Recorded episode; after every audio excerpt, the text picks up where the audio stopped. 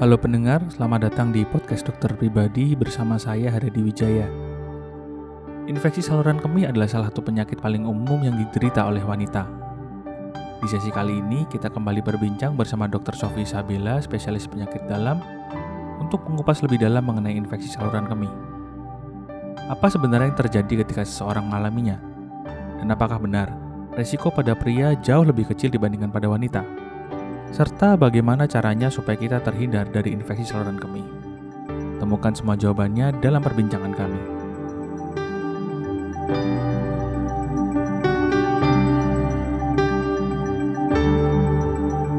Dr. Sofi ini kan seorang spesialis penyakit dalam ya.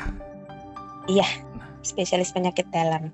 Nah, ini ini kebetulan kita ini punya apa ya punya topik ya. Topik ini sebenarnya banyak sering ditemuin penyakit sih Ya. dok ini penyakit soal Uh-uh, infeksi uh-uh. saluran kemih dok. Ya, banyak banget sih yang pasti seumur hidupnya paling nggak sekali dua kali semua orang pasti pernah ngalamin yang namanya infeksi saluran kemih ya. Betul betul.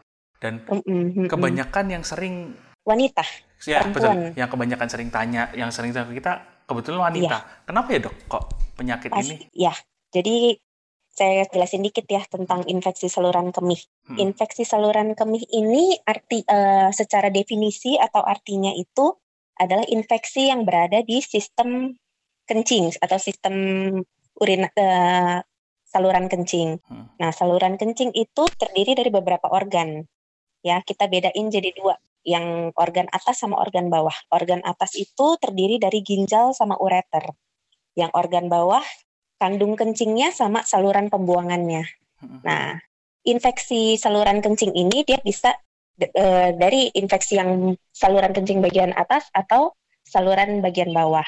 Yang paling sering dirasain itu yang bagian bawah itu. Oh, Nah, oke. apalagi wanita.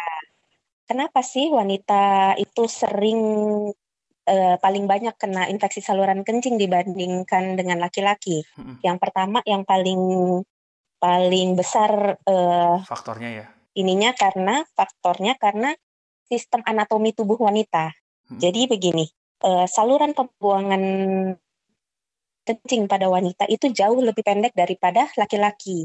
Hmm. Kalau laki-laki itu harus keluar lewat, eh, namanya kan kalau laki-laki ada penis ya. Hmm. Nah itu yang bikin eh, itu eh, saluran itu agak panjang. Jadinya kalau bakteri masuk dari bawah, Hmm. dia butuh waktu untuk eh, bikin jadi infeksi. Sedangkan kalau perempuan kan nggak ada penis, Hmm. jadi dia langsung keluar begitu. Makanya eh, karena jauh lebih pendek, eh, jadinya perempuan gampang sekali terkena infeksi saluran kencing ini.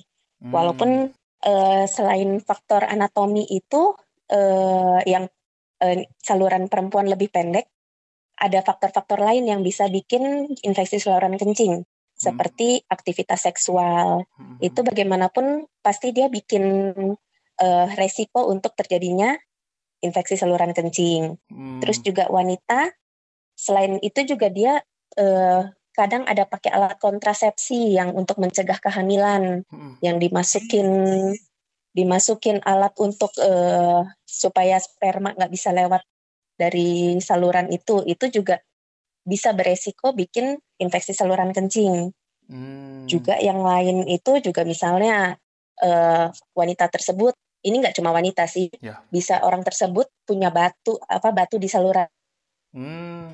Oke. kok terjadinya infeksi saluran kencing begitu Oh, jadi memang kalau berarti bisa dikatakan gini, definisi infeksi saluran kencing itu karena memang yang terkena di bagian bawah di saluran saluran pembuangan urin kita dan kenapa wanita sering itu murni ya salah satu faktor paling besar kalau bisa saya ngomong anatominya ya dok ya anatomi eh, tubuh wanita yang membuat wanita lebih beresiko berarti begitu.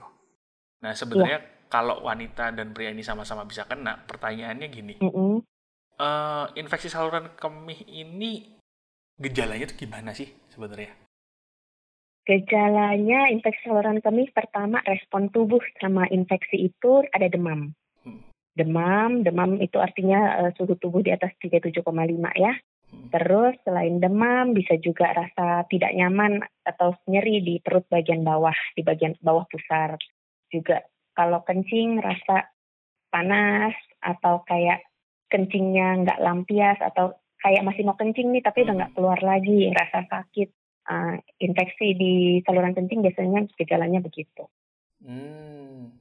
Tapi apa pasti demam dok atau nggak nggak selalu? Hmm, sebenarnya nggak selalu demam, tapi demam itu adalah salah, salah satu respon tubuh eh, untuk melawan adanya bakteri ke dalam tubuh. Jadi eh, kalau ada kuman masuk ke dalam tubuh, eh, tubuh ini punya mekanisme perlawanan yang Tuhan kasih. Hmm. Jadi sel leukosit atau sel darah putih dalam tubuh kita akan e, melawan bakteri tersebut dan mengeluarkan suatu zat namanya prostaglandin. Uh, zat ini yang akan memerintahkan ke otak untuk e, konservasi energi uh, pembuluh darah pembuluh darahnya rapat, otot-otot juga sehingga terjadilah yang namanya demam gitu. Hmm. Ya ya ya ya. Kemudian itu dok, kalau yang mungkin pernah saya temui itu ada yang sampai sampai berdarah itu ketika dia kencing itu mm -hmm. apa yang terjadi sebenarnya dok? Jadi eh, semua organ tubuh kita, baik ginjal, paru-paru dan lainnya semua itu dilapisi oleh suatu epitel. Epitel itu yang melapisi organ tersebut ya, hmm. sehingga nggak langsung. Nah, kalau terjadinya infeksi saluran kencing, kuman-kuman atau bakterinya ini mengerosi lapisan luar dari organ ginjal tersebut atau yang lainnya. Oleh karena itu epitelnya lepas-lepas. Nah, hmm. epitel yang lepas jadi mengandung sel darah merah, makanya kalau dilihat dengan kasat mata bisa warnanya merah atau diperiksa itu mengandung sel darah merah. Itulah yang bikin kenapa uh, bilangnya berdarah. Oh, karena karena menggerogoti lapisan epitel itu, epitel itu keluar yeah. bersama yang rusak itu yeah. keluar bersama urin kita gitu ya? Iya, betul sekali, betul. Kalau begitu gini, infeksi saluran kemih ini kalau apa ya uh, dibiarkan itu bisa sampai gimana sih dok? Karena loh bisa sampai menyebabkan apa rusaknya jaringan epitel atau bisa menyebabkan kerusakan organ atau gimana dok kalau dibiarin? Jadi infeksi yang tadi dibilang kan infeksi apa saluran kemih bagian bawah dan bagian atas. Hmm. Yang sering kita alami itu yang rasa-rasa nggak enak di perut bagian bawah itu biasanya infeksi bagian saluran bawah. Tapi bila tidak ditangani dengan baik, kuman-kumannya tersebut akan naik ke, ke saluran kencing yang bagian atas. Bagian atas itu kan ada ginjal. Nah, kuman yang naik ke ginjal dan e, menginfeksi di ginjal tentu akan lebih berat daripada infeksi saluran kencing biasanya. Selain dia juga bisa jalan ke ginjal, dia juga bisa memasuki ke pembuluh darah. Nah, kalau dia masuk ke pembuluh darah, dia e, beredar di satu darah akan menyebabkan infeksi yang lebih berat karena infeksinya ke seluruh tubuh gitu. Hmm, ya karena akhirnya itu dia menjalar terus ke lewat organ-organ organ-organ iya. pengeluaran itu malah bisa menjalar ke mana-mana juga akhirnya ya. Iya, iya. Oh, bisa sampai menyebabkan gagal ginjal gitu mungkin dok? Kalau karena bakteri? Uh, kalau uh, penyakit ginjal itu kan tidak selalu berhubungan dengan gagal ginjal. Tapi hmm. kalau misalnya infeksinya di ginjal itu tidak ditangani dengan baik, infeksinya berjalan berjalan terus, akhirnya ginjalnya rusak ini yang sebelah. Kan kita manusia itu punya dua ginjal, ginjal kiri sama ginjal kanan. Dan biasanya kalau dia nyebar itu bukan langsung oh pasti dua-duanya kena, biasanya enggak, biasanya satu begitu. Kalau dia yang satu udah rusak sekali tidak bisa ditolong karena infeksi tersebut, maka ginjal yang satu rusak. Tapi kan manusia punya dua ginjal, jadi masih ada satu yang untuk um, mengkompensasi dari yang satu lagi. Maksudnya memang mereka berdua kerja sama-sama, tapi kalau yang satu rusak belum belum pasti dua-duanya pasti rusak begitu masih yang satu itu masih bisa mengcover kerja yang satunya lagi. Hmm. Tapi kalau ujung-ujungnya tidak ditangani atau ada penyakit lain yang bikin ginjalnya juga jadi nggak bagus, contohnya darah tinggi, kencing manis, batu, asam urat, lama-lama uh, ya bisa membuat ginjalnya kerja lebih berat, akhirnya jadi nggak baik ya itu baru bisa cuci darah. Tapi bukan artinya uh, semua infeksi pasti cuci darah tuh enggak gitu. Hmm. hmm, hmm. Nah berarti gini, kalau kalau kita ngomong infeksi itu kan berarti biasanya kan faktornya kan eksternal ya dok ya, berarti pasti bakteri gitu atau atau apa atau ada penyebab lain yang mungkin menyebabkan infeksi yang dikatakan penyebab infeksi saluran kemih sih.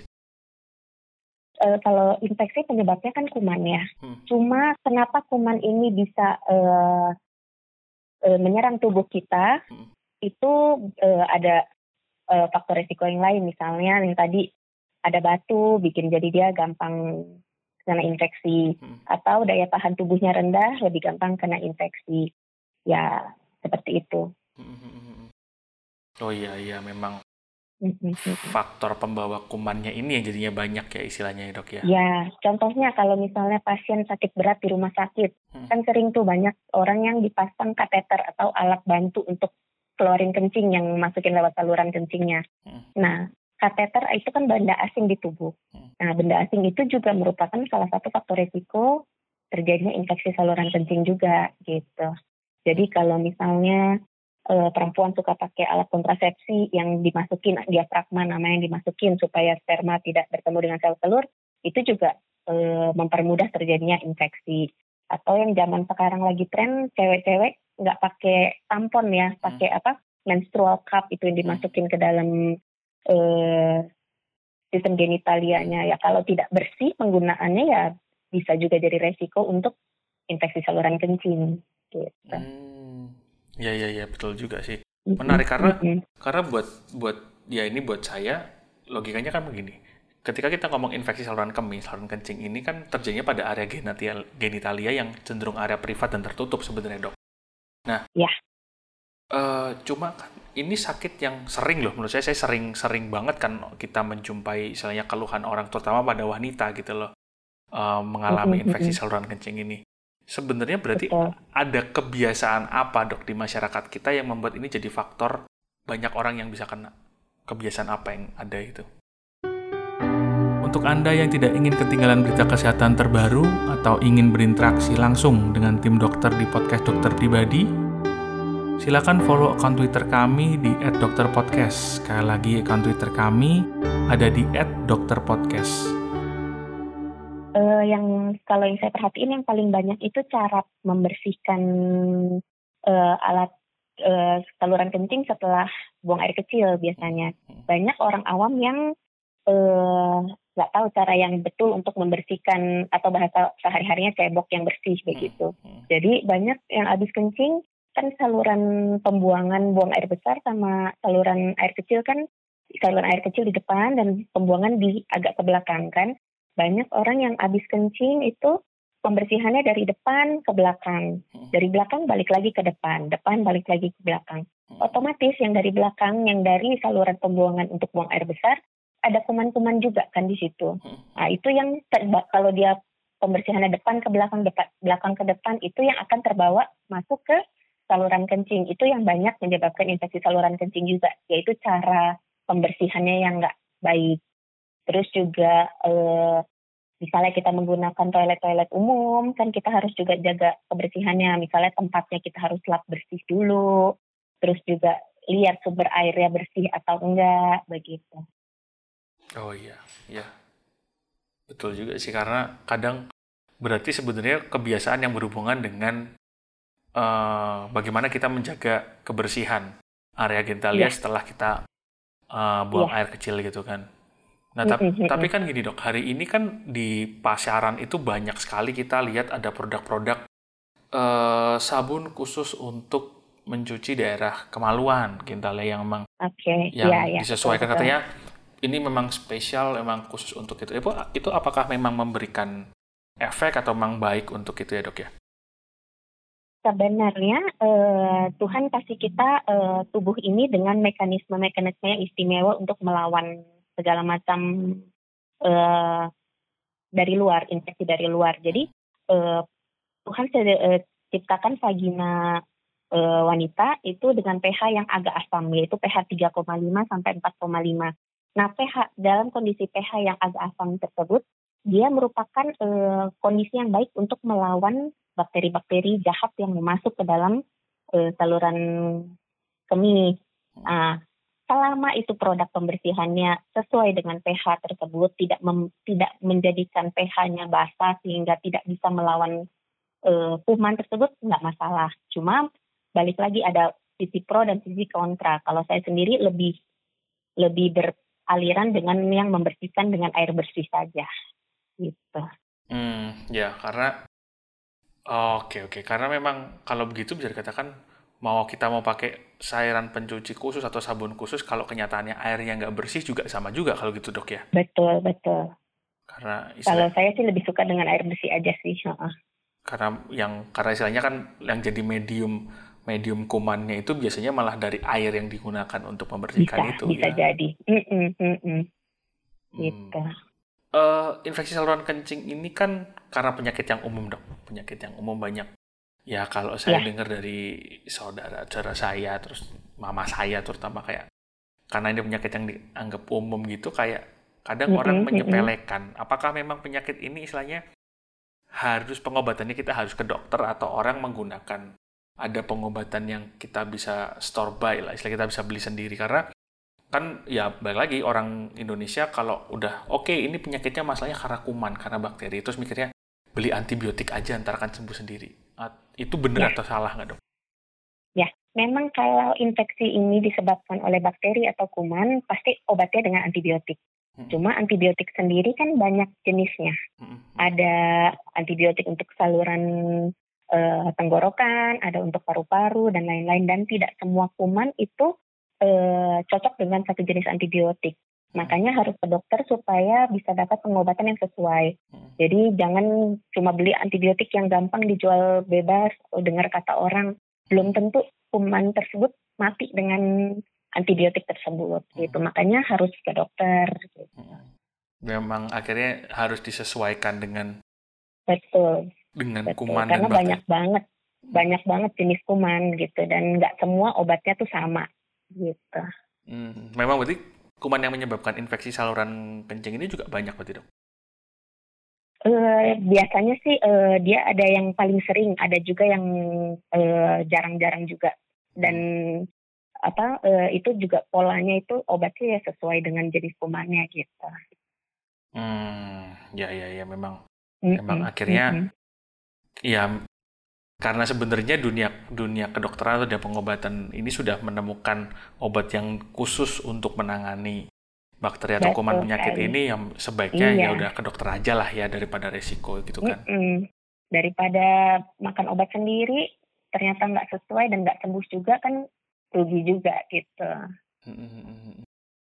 Nah, eh, penyakit ini dok, infeksi saluran kencing ini eh, penyakit yang orang sering kena gitu kan dok. Sebenarnya apa sih yang bikin ada tips nggak mungkin buat buat apa namanya buat buat orang-orang supaya nggak kena lagi kena lagi gitulah istilahnya dengan penyakit. Oke, pertama tentu yang tadi udah kita bilang ya, cara menjaga kebersihan eh, saluran pembuangan itu harus bersih cara membersihkannya.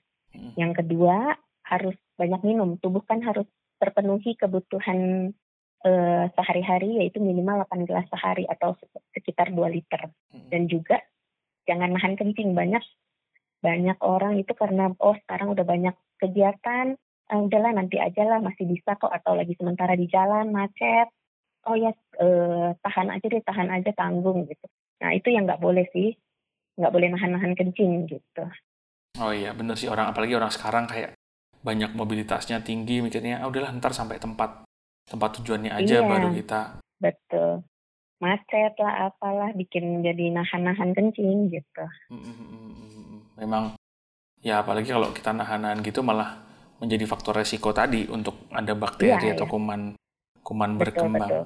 Mm, Heeh. ya ini infeksi saluran kencing hal yang biasa dan sering banget ditemui dan dirasakan oleh semua orang. Jadi yang paling penting bukan bagaimana dokter mengobati, tapi bagaimana mencegah supaya kita terhindar dari infeksi saluran kencing tersebut. Seperti yang tadi udah dijelaskan, cara pembersihan setelah buang air kecil harus yang betul. Eh, jaga cairan yang masuk ke dalam tubuh harus cukup. Dan yang ketiga juga eh, jangan nahan kencing kayak gitu. Dan kalau khusus untuk perempuan yang eh, sedang menstruasi harus eh, jaga kelembapan di daerah genitalia, jangan malas untuk tukar pembalut supaya jangan jadi media yang bagus untuk pertumbuhan kuman-kuman tersebut. Oke, mungkin kira-kira begitu, Dokter Sofi. Terima kasih Oke. lagi sekali lagi untuk waktunya, untuk sharingnya yang luar biasa ini buat pendengar-pendengar kita. Oke, terima kasih. Semoga bisa menjadi memberikan informasi lah supaya jangan ya. kayaknya penyakitnya sepele tapi ternyata kan efeknya juga bisa merambat ke mana-mana nih. Ya, betul, betul, betul. Oke. Okay. Oke, okay, terima kasih Dokter Sofi. Sampai ketemu lagi di lain waktu kalau gitu. Ingin bertanya lebih lanjut mengenai topik sesi ini, atau ingin mengusulkan topik-topik kesehatan untuk kami bahas dengan ahlinya? Jangan lupa follow dan DM melalui akun Instagram kami di @dokter.pribadi.official. Sekali lagi, akun Instagram kami ada di @dokterpribadi.official.